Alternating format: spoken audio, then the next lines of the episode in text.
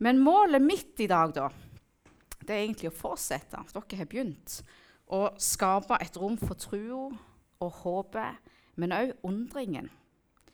Ikke minst for undringen, som jeg òg tenker at vi skal bli flinkere til å involvere ungene våre i.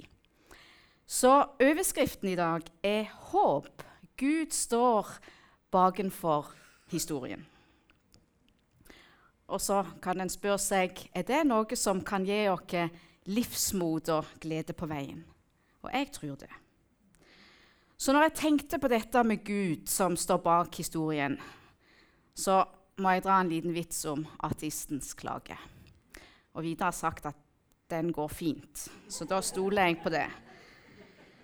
Det var en ateist som beklaga seg til sin kristne venn og sier det at dere kristne har så mange høytider, som jul, påske og pinse. Og jødene de har sine nasjonale høytider, som Jom Kippur og Pesach osv. Men vi ateister, sier han, vi har ikke blitt tilgodesett med én en eneste nasjonal fridag. Og det er både urettferdig og diskriminerende. Ja, jeg forstår det, nikka vennen, og så la han til med et lite glimt i øynene. Kom og feire 1. april. Ja, OK. Den går. Jeg eh, syns det gikk en liten stund før dere tok den. Men det OK. Når jeg sier at Gud står bakenfor historien, så sier jeg samtidig at han er historiens herre. Han er den som har starta det hele, og han er òg den som skal avslutte historiens gang i verden en gang. Og I Jobbs bok så finner vi noen spørsmål som maner til ydmykhet. Der står i Jobb 38, 4 og 5 Hvor var du da jeg grunnla jorda? Hvem fastsatte jordas mål? Vet du det? Så vi skal fortsette i ydmykhet. Og nå skal jeg få opp eh, neste slide her, der det kommer opp seks bibelvers som vi skal lese gjennom. Jeg begynner med Salme 92. Før fjellene ble til, ja, før du hadde danna jord og verden, ifra evighet til evighet er du Gud. Og Så går vi videre til første Mosebok 1.1. I begynnelsen skapte Gud himmelen og jorda. Salme 90, 1b. Du har vært en bolig for oss ifra slekt til slekt. Kolossene 1.15. Jesus Kristus er det synlige bildet av Gud, Han som er usynlig. Kolossene 1,16.: For i ham er alt blitt skapt, i himmelen og på jorden. Det synlige og det usynlige, troner og herskere, makter og åndskrefter. Alt er skapt ved ham og til ham. Og så til slutt Efeserne 2,10.: For vi er Hans verk, skapt i Kristus Jesus til gode gjerninger, som Gud har gjort ferdige på forhånd, for at vi skulle vandre i dem. Og Da har jeg lyst til å dele min tolkning av de versene. Så det kan bare stå her, litt sånn under ett. da. For de forteller i alle fall meg at alt starter med Gud, som er uten begynnelse og utenfor tid og rom. For det står at han er ifra evighet. Også at han er en bolig for oss, betyr jo at vi har en heim. I trua på Jesus så er vi hjemme. Og John Arve han snakket sist søndag om den bortkomne sønnen, som er en historie om å vende hjem. Og igjen og igjen så ser jeg hvor viktig det er. Jeg glir vekk ifra Gud. Jeg må vende hjem. Tankene mine sporer litt av. Jeg må vende hjem. Hjertet mitt glemmer den første kjærligheten. Jeg må vende hjem. Så det å vende hjem er egentlig en livslang kamp for oss. Men oppmuntringen er at faren, da, som er et bilde på Gud, han krevde ikke noe større motivasjon. Så han ønska jo ganske enkelt sønnen velkommen hjem. Så det som Jesus tegner for oss, er jo et bilde av en helt fullstendig betingelsesløs kjærlighet. Og så har jeg undra meg over hvordan historien ville ha endt hvis da broren som var på vei hjem, hadde møtt broren sin først.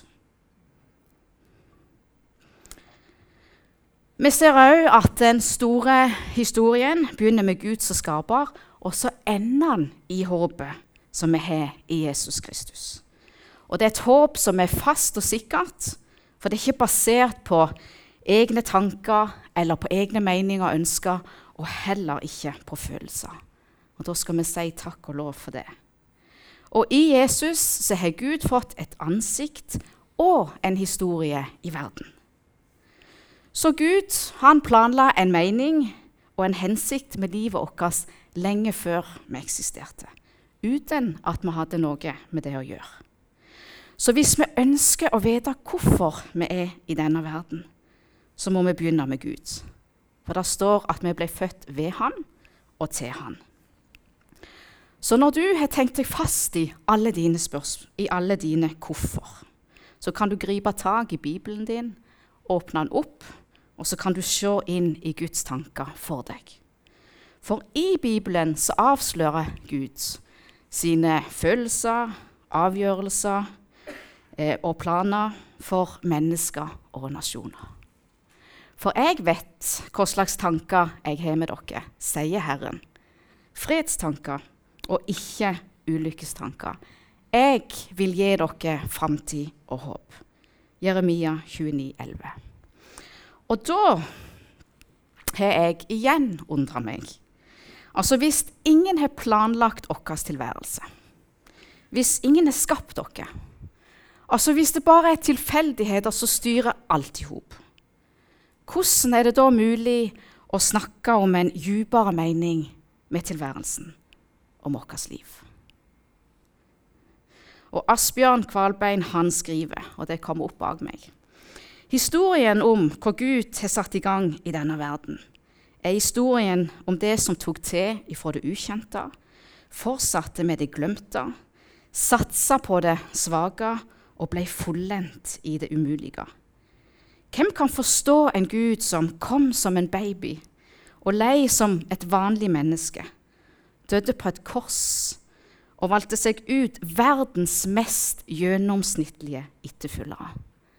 Jeg blir ikke ferdig med å undres. Så undringen er en verdi.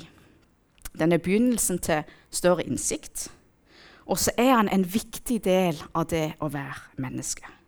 Og Derfor så slår jeg et slag for undringen i dag. Men hva slags syn har vi egentlig på undring? For det å stille spørsmål og det å undre seg har blitt sett på, og jeg tror fortsatt å gjøre det, som den rake motsetningen til kunnskap og forståelse. Men hvis vi tenker etter uten undring, så hadde de fleste oppfinnelser og teorier ikke eksistert. Og det måtte jeg forklare til elevene mine som går i 4. klasse. Etter at vi hadde undret i hop en onsdagsmorgen. Jeg viste dem dette bildet som kom opp bak meg her. Og så satte jeg på litt sånn dempa instrumental bakgrunnsmusikk, noe vi ofte gjør om morgenen. Og så ba jeg de om å undre seg. Eh, og så ba jeg de om å undre seg og på en måte se og lytte. Hva tanker ville dukke opp? Og ville de se verdien i det? En gutt han undrer seg over skapelsen og hvem som er skapt Gud. Ei jente undrer seg over korona og hvordan det oppsto. Ei anna jente undrer seg over om det er mulig at alt søppelet i verden kan føre til at jorda går unna. Og dette er f.eks. ei jente som er ekstremt opptatt av miljøet. Og så kommer det etter hvert ifra en gutt. Jeg undrer meg over om vi kommer i mål med faktateksten vår. For det var et oppdrag denne dagen. Så min tolkning av denne gutten sitt utsagn var sånn her. Lena, sløser du ikke egentlig med tida vår nå? Men undring er ikke sløsing av tid. Undring er faktisk med på å drive oss framover. Det er med på å utvikle oss, og det er med på å gi oss en større forståelse av mange ting. Har du tenkt på at når frelsen er på vei, så begynner folk å undre seg? Og Basert på det så var det en som skrev så klokt at undringen kan være et gyllent skilt som peker mot Gud. Og så har jeg tenkt litt på tvileren, da. Vi tviler alle på ting og tang. Men den som tviler, tenker. Det ligger jo et potensial her. Vi ser òg i Det nye testamentet at undringen flere ganger blir opptakten til tro på Jesus og tro på Gud.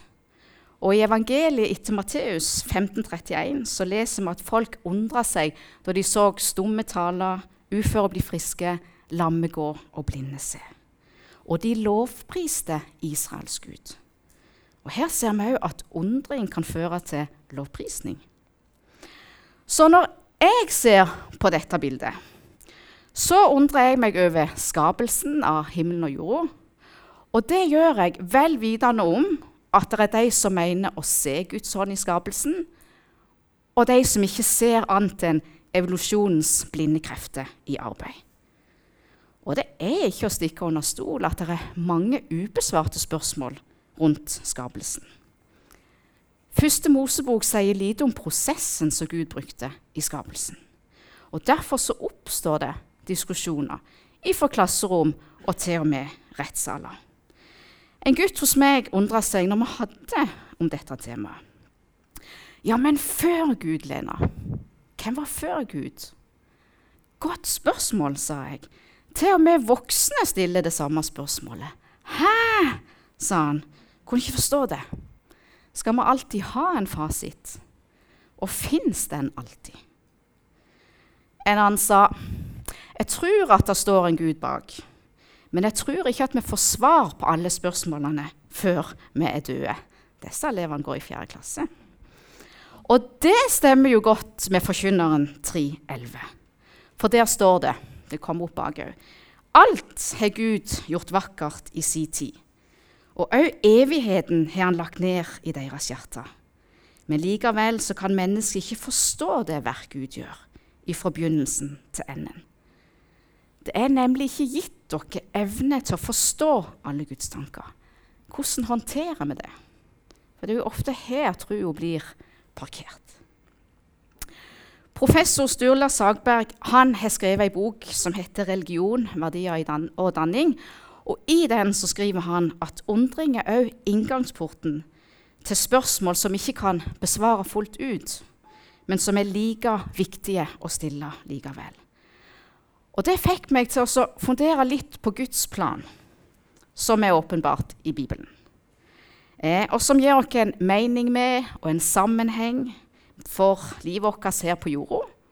Ved at denne planen da besvarer de eksistensielle, altså de store spørsmålene. Hvor kom jeg ifra?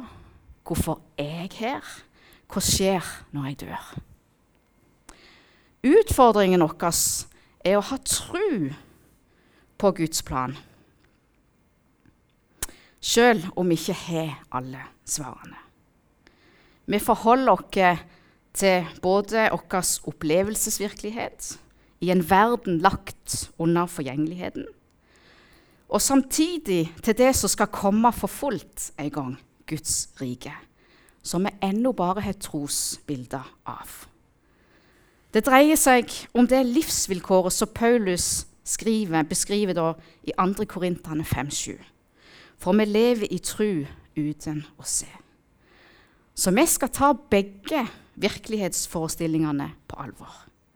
Men vi gjør det i trua på at Gud holder sitt skaperverk oppe i kjærlighet. Og så tror jeg at det ligger et stort potensial for livsmestring og tru i skapelsesberetningen. En prest skriver at noen ganger eller kanskje altfor ofte, så reduserer vi teologien og kristen spiritualitet til bare å ha en tidsregning og en livsforståelse før og etter Kristus. Men Bibelen forteller òg at den treenige Gud har skapt verden av intet, lenge før Kristus ble menneske og tok bolig iblant dere. Og den sannheten motiverer meg og hjelper iallfall meg til å bli stående i trua, For at mitt utgangspunkt ligger i Bibelens åpningskapittel. Og her slås det fast to fakta. Én skapelsen er Guds verk. To at skapelsen var god. Så hvert heliumatom, hver galakse og hvert eneste vesen eksisterer fordi Gud vil det. Og Gud har skapt alt med en hensikt. Det har vi jo sett på tidligere. Så betyr at du heller ikke er skapt tilfeldig.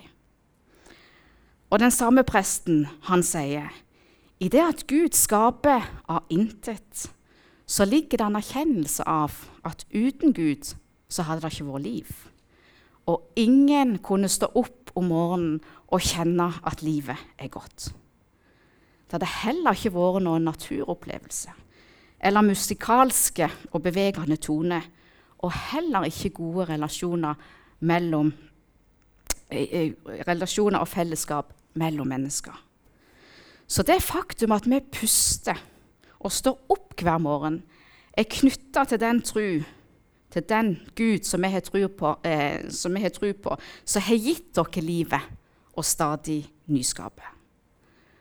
Så uten Gud så får egentlig ingenting mening.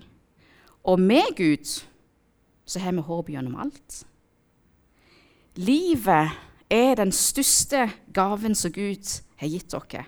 Og en annen måte å si det på er så lenge vi kan puste, er det håp. Og så må vi ta med oss ordene som profeten Jesaja talte om. De ordene som aldri skulle miste sin kraft, som, som ville stå seg gjennom alle tider. Han talte om Guds ord. Og han sammenligna det med det livgivende regnet som faller ned og vanner jorda sånn at det spirer og gror, og til slutt metter den som skal spise. Og det er du og meg som skal mettes. Jesus sa det sånn her i Johannes 15, vers 1-5. Jeg er det sanne vintre, og min far er vingårdsmannen. Hver grein på meg som ikke bærer frukt, tar han vekk. Og hver den som bærer frukt, renser han, for at den skal bære mer frukt. Dere er alt rene på grunn av ordet som jeg har talt til dere. Bli meg, så blir jeg i dere. Like som greinen ikke kan bære frukt av seg selv, men bare når den blir i vintreet, slik kan heller ikke dere bære frukt uten at dere blir i meg. Jeg er vintreet, dere er greinene. Den som blir i meg, og jeg i ham, han bærer mye frukt. Så hva er det Jesus prøver å forklare disiplene og òg oss her? Jeg tenkte at vi kanskje kunne bruke naturen som en illustrasjon. For ikke mange uker siden så var Marco grå, og trærne var svarte. Det var utrolig lite som tyda på liv. Men se i dag. Det blomstrer, det blir grønnere, det gror overalt. Og naturen stråler egentlig mer eller mindre av lys og liv og varme. Av og til så kan vi kanskje kjenne oss som en sånn svart og naken grein uten åndelig liv og frukt. Og Det er da Jesus prøver å forklare oss at dersom vi holder oss nær til Han, blir i Han, så vil livet og kraften og da kommer jo Den hellige ånd inn i bildet strømme ut i greinene til oss. Ordene hans forteller at det er hans sak å skape liv og lys og kraft og glede i oss. Det kommer på en måte på samme måte som treet sevjer om våren frambringer blad, blomst og frukt. Så min og din oppgave er først og fremst å holde oss nær.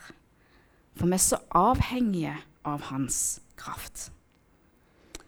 Så i dag, dagen før den store dagen, for den må nevnes, så ber jeg om kraften i Guds ord. For oss sjøl, for vårt fellesskap og for vårt land.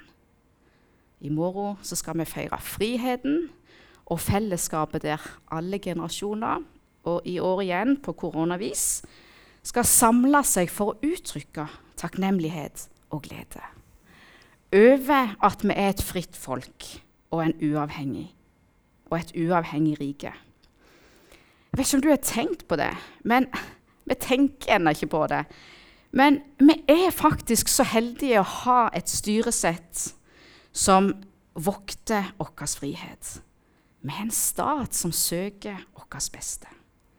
Og Derfor så ønsker vi at de verdiene som landet ble bygd på, skal fortsette å prege den viktige samtalen om hvem vi er, og hva vi skal være. Derfor så hører de kristne verdiene og Guds ord med til det som vi feirer på vår frihetsdag. Siden tusentallet har kristendommen vært en del av Norges historie og har preget både samfunnet og kulturen. En sa at bare bruken av korset i flagget vårt som symbolspråk forteller hva våre myndigheter ønsker for land og folk, nemlig å bygge et sterkt fundament. Og de visste at det finner de i Guds ord. Og det kan aldri bortforklares, uansett hvor mye en prøver på det i dag. Jesus Kristus har satt dype spor i nasjonen vår. Så jeg ba elevene mine videre om å undre seg over det neste bildet som kom opp. Vi hadde tidligere snakket om, om fargene i flagget, at de symboliserer frihet eh, og andre ting. Og da spør jeg hva med korset? På hva slags måte kan det symbolisere frihet? Og etter en liten stund så er det ei jente som rekker opp hånda, litt sånn nølende, så svarer hun. Eh, Jesus ofra på en måte livet sitt for oss. Ja, svarer jeg. Og på den måten så settes mennesker fri. For ifølge Guds ord, da, så settes vi fri fra synd og skyld og skam, og egentlig for alt det som hindrer oss i å leve med Gud. På den måten så gir flagget oss òg en klar påminnelse om en dypere frihet som alle mennesker trenger, og som alle kan få i trua på Jesus. Så må jeg nevne Henrik Wergeland. For han omtales jo ofte som 17. mai-feiringens far. Og han skal en gang ha sagt at gudsfrykt må være ethvert rikes fremste grunnvoll om det skal bestå. Og Hvis vi begynner da å speide utover den vide verden, så fins det ikke mange samfunn med frihet uten gudsfrykt og kristendom. Kong Salomo han sier det rett ut i Salme 127. Dersom Herren ikke er med, er alt forgjeves. Alt er til ingen nytte. Dersom Herren ikke bygger huset, arbeider bygningsmennene forgjeves. Dersom Herren ikke vokter byen, våker vekteren forgjeves. Forgjeves står dere tidlig opp, setter dere sent ned, eter slitets brød. Det samme gir han sin venn mens han sover.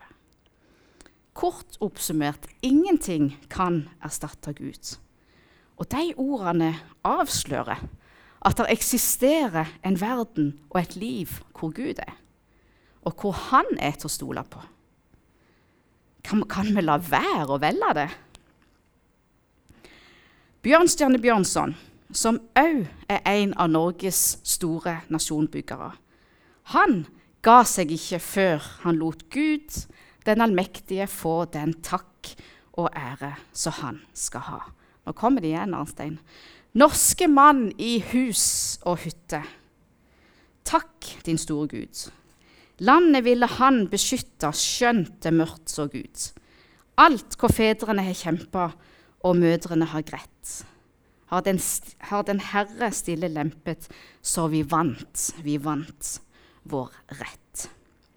Så takknemligheten på vår frihetsdag skal òg rettes oppover. Opp mot den himmel som hvelver seg over oss, og mot den Gud som for gammel tid grunnfester jorda og som òg er full av frelse. Mot den Gud som er nådig og barmhjertig, langmodig og stor i miskunnhet. Så tenker du det var store ord, Lena, men det er ikke mine ord. Det er Bibelen sine ord. Og alt dette har fått meg til å tenke på at hvis Gud noen gang passer i boksen vår, så har vi misforstått at Gud er større. I Jesaja står det skrevet.: For mine tanker er ikke deres tanker, og deres veier er ikke mine veier, sier Herren. For som himmelen er høyere enn jorda, sånn er mine veier høyere enn deres veier, og mine tanker høyere enn deres tanker. Og det utfordrer oss på hvordan vi kan være tydelige med Guds ord likevel. Så når vi begynner å hamre løs på fundamentet vårt i all vår velstand og trygghet, der vi ikke lenger føler for en Gud Vi klarer oss sjøl. Da glemmer vi en viktig ting. Vi glemmer at bakenfor historien står Gud. Francis A. Sheffer, som var en amerikansk teolog, filosof, apologet og pastor, hørtes kjempeflott ut. Det var mange ting. Han har sagt, 'Ikke glem hvem du er'. Du er ingen dokke eller maskin. Du er ikke bundet av en naturlov prega av årsak og virkning i et lukka system. Nei, du er skapt i Guds bilde, og derfor så må du velge velge rett ved ethvert veikryss. Adam valgte feil, og vi bærer alle merker etter hans feil. Abraham trodde Gud, og hans tro ble regna han til rettferdighet. For oss i dag så er situasjonen den samme. Vi er alle kalt til å foreta valg som har stor betydning. Som nasjon så ønsker vi å være under Guds velsignelse. Derfor så sier vi ja til Gud. Vi skal fortsette å verne om våre kristne verdier vedtatt i den norske grunnlov. Og til slutt så har noen sagt så vakkert Det er ikke ofte jeg bruker det uttrykket, men dette er vakkert og sant, og det kom opp bak meg her. At først og sist skal vi elske Han som gav oss mor og fedreland, og som har satt porten åpen for oss inn til et enda fagrere land. Så på forskudd gratulerer med dagen, og må Gud velsigne deg og vårt land rikelig. Amen.